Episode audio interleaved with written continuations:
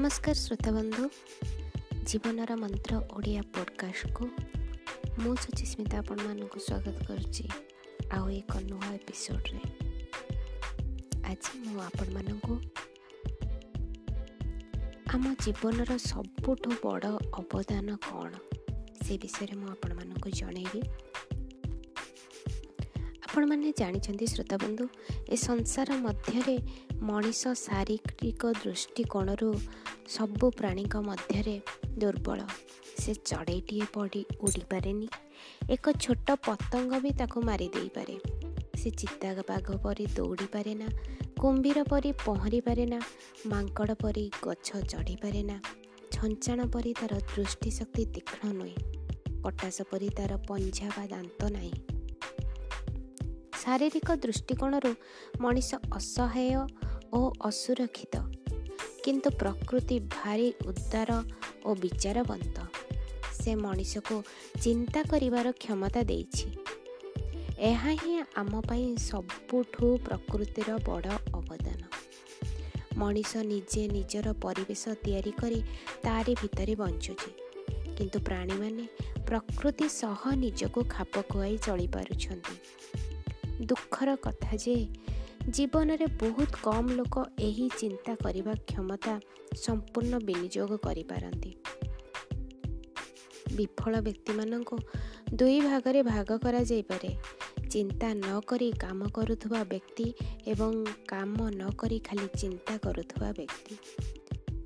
ବିଚାର ଶକ୍ତିକୁ କାମରେ ନ ଲଗାଇ ବଞ୍ଚିବା ଯାହା ଲକ୍ଷ୍ୟ ନଥାଇ ସରସନ୍ଧାନ କରିବା ଠିକ୍ ସେୟା। ଜୀବନ ଗୋଟିଏ କଫି ସପ୍ ଭଳି।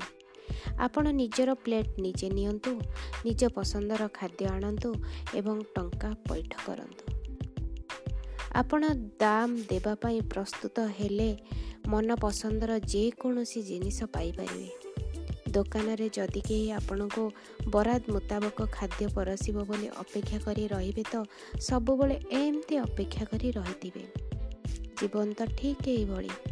ଆପଣ ନିଜ ଜିନିଷ ନିଜେ ପସନ୍ଦ କରନ୍ତୁ ଏବଂ ତା ପାଇଁ ଦାମ ଦେବା ପାଇଁ ପ୍ରସ୍ତୁତ ରୁହନ୍ତୁ।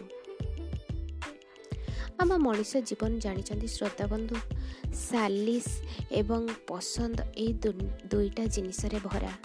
କିଛି ଜିନିଷ ଆମେ ନିଷ୍ପତ୍ତି ନେଇଥାଉ ଏବଂ କିଛି ଜିନିଷ ଆମେ ସାଲିସ୍ ହିଁ କରିଥାଉ। ଏ ପରସ୍ପର ଦୁଇଟି ଜିନିଷ ବିରୋଧୀ। ଯଦି ଜୀବନ ଖାଲି ହୁଏ ନିଷ୍ପତ୍ତିର ମେଲଣ ତାହେଲେ ସାଲିସର ସ୍ଥାନ କେଉଁଠି ରହିଲା? ସାଲିସ ମଧ୍ୟ ଗୋଟିଏ ପ୍ରକାର ନିଷ୍ପତ୍ତି। ଆସନ୍ତୁ ଏ ବିଷୟରେ ଟିକେ ଜାଣିବା। ଆମେ ଆମେ ଯଦି ବେଶୀ ଖାଉ ତାହେଲେ ଆମେ ମୋଟା ହେବାକୁ ନିଷ୍ପତ୍ତି ନେଉ। ବେଶୀ ମଦ ପିଇଲେ ନିଜେ ମୁଣ୍ଡ ବ୍ୟଥା ଭୋଗ କରିବାକୁ ନିଷ୍ପତ୍ତି ନେଇଥାଉ। ଆମେ ଯଦି ମଦ ପିଇ ଗାଲି ଚଲାଉ ତାହେଲେ ନିଜ ପାଇଁ ଅନ୍ୟମାନଙ୍କ ପାଇଁ ବିପଦ ଆଣିଥାଉ ବୋଲି ଭାବିବାକୁ ହେବ। ଯେତେବେଳେ ଆମେ ଅନ୍ୟମାନଙ୍କୁ ଖରାପ ବ୍ୟବହାର କରୁ ଆମେ ବଦଳରେ ସେଇଭଳି ବ୍ୟବହାର ପାଇବାକୁ ହିଁ ନିଷ୍ପତ୍ତି ନେଇଥାଉ। ଆମେ ଅନ୍ୟମାନଙ୍କୁ ସମ୍ମାନ ନଦେଲେ ଅନ୍ୟମାନଙ୍କ ପାଖରୁ ବି ସମ୍ମାନ ପାଇବାକୁ ହକଦାର ହୋଇପାରୁନା। ଆମର ପ୍ରତିଟି ନିଷ୍ପତ୍ତିର ଫଳାଫଳ ରହିଛି। ଆମେ ଯେକୌଣସି ନିଷ୍ପତ୍ତି ନେବାକୁ ସ୍ୱାଧୀନ କିନ୍ତୁ ଥରେ ନିଷ୍ପତ୍ତି ସରିଗଲେ ଆମେ ସେହି ନିଷ୍ପତ୍ତି ଦ୍ୱାରା ଶାସିତ ହେଇଯାଉ। ଅସମାନ ହେବା ପାଇଁ ଆମ ସମସ୍ତଙ୍କର ସମାନ ସ୍ୱାଧୀନତା ରହିଛି ନିଷ୍ପତ୍ତି ଆମ ନିଜର। ଆମ ଜୀବନକୁ ଜଣେ କୁମ୍ଭାର ସହିତ ତୁଳନା କରି ଦେଖିଲେ କଥାଟା ଆଉ ଟିକେ ଭଲ ଭାବେ ବୁଝିହେବ। କୁମ୍ଭାର ତା ନିଜ ଇଚ୍ଛାରେ ମାଟିରେ ନାନା ପ୍ରକାର ଜିନିଷ ତିଆରି କରେ। ସେହିଭଳି ଆମେ ନିଜର ନିଷ୍ପତ୍ତି ଅନୁସାରେ ଯେକୌଣସି ପ୍ରକାରେ ଆମ ଜୀବନକୁ ଗଢ଼ିପାରିବା। କାରଣ ଆମର ଜୀବନରେ ଆମେ ନିଷ୍ପତ୍ତି ନେବାର ଅଧିକାର ଆମ ନିଜର ହିଁ ଅଛି। ଆମର ବିଚାର କରିବାର ଶକ୍ତି ଅଛି। ସେଇଟା ହିଁ ଆମ ଜୀବନର ବହୁତ ବଡ଼ ଅବଦାନ। ତେଣୁ ଶ୍ରୋତାବନ୍ଧୁ ଆପଣ ଜୀବନରେ ନିଷ୍ପତ୍ତି ନିଅନ୍ତୁ ଭାବିଚିନ୍ତି ନିଅନ୍ତୁ। କାରଣ ଆମର ବିଚାର କରିବାର ଶକ୍ତି ଅନେକ ଅଛି ଯାହା ସବୁ ପ୍ରାଣୀଙ୍କ ପାଖରେ ନାହିଁ ତାହା ଆମ ପାଖରେ ଅଛି। ତ ଆଶା କରୁଛି।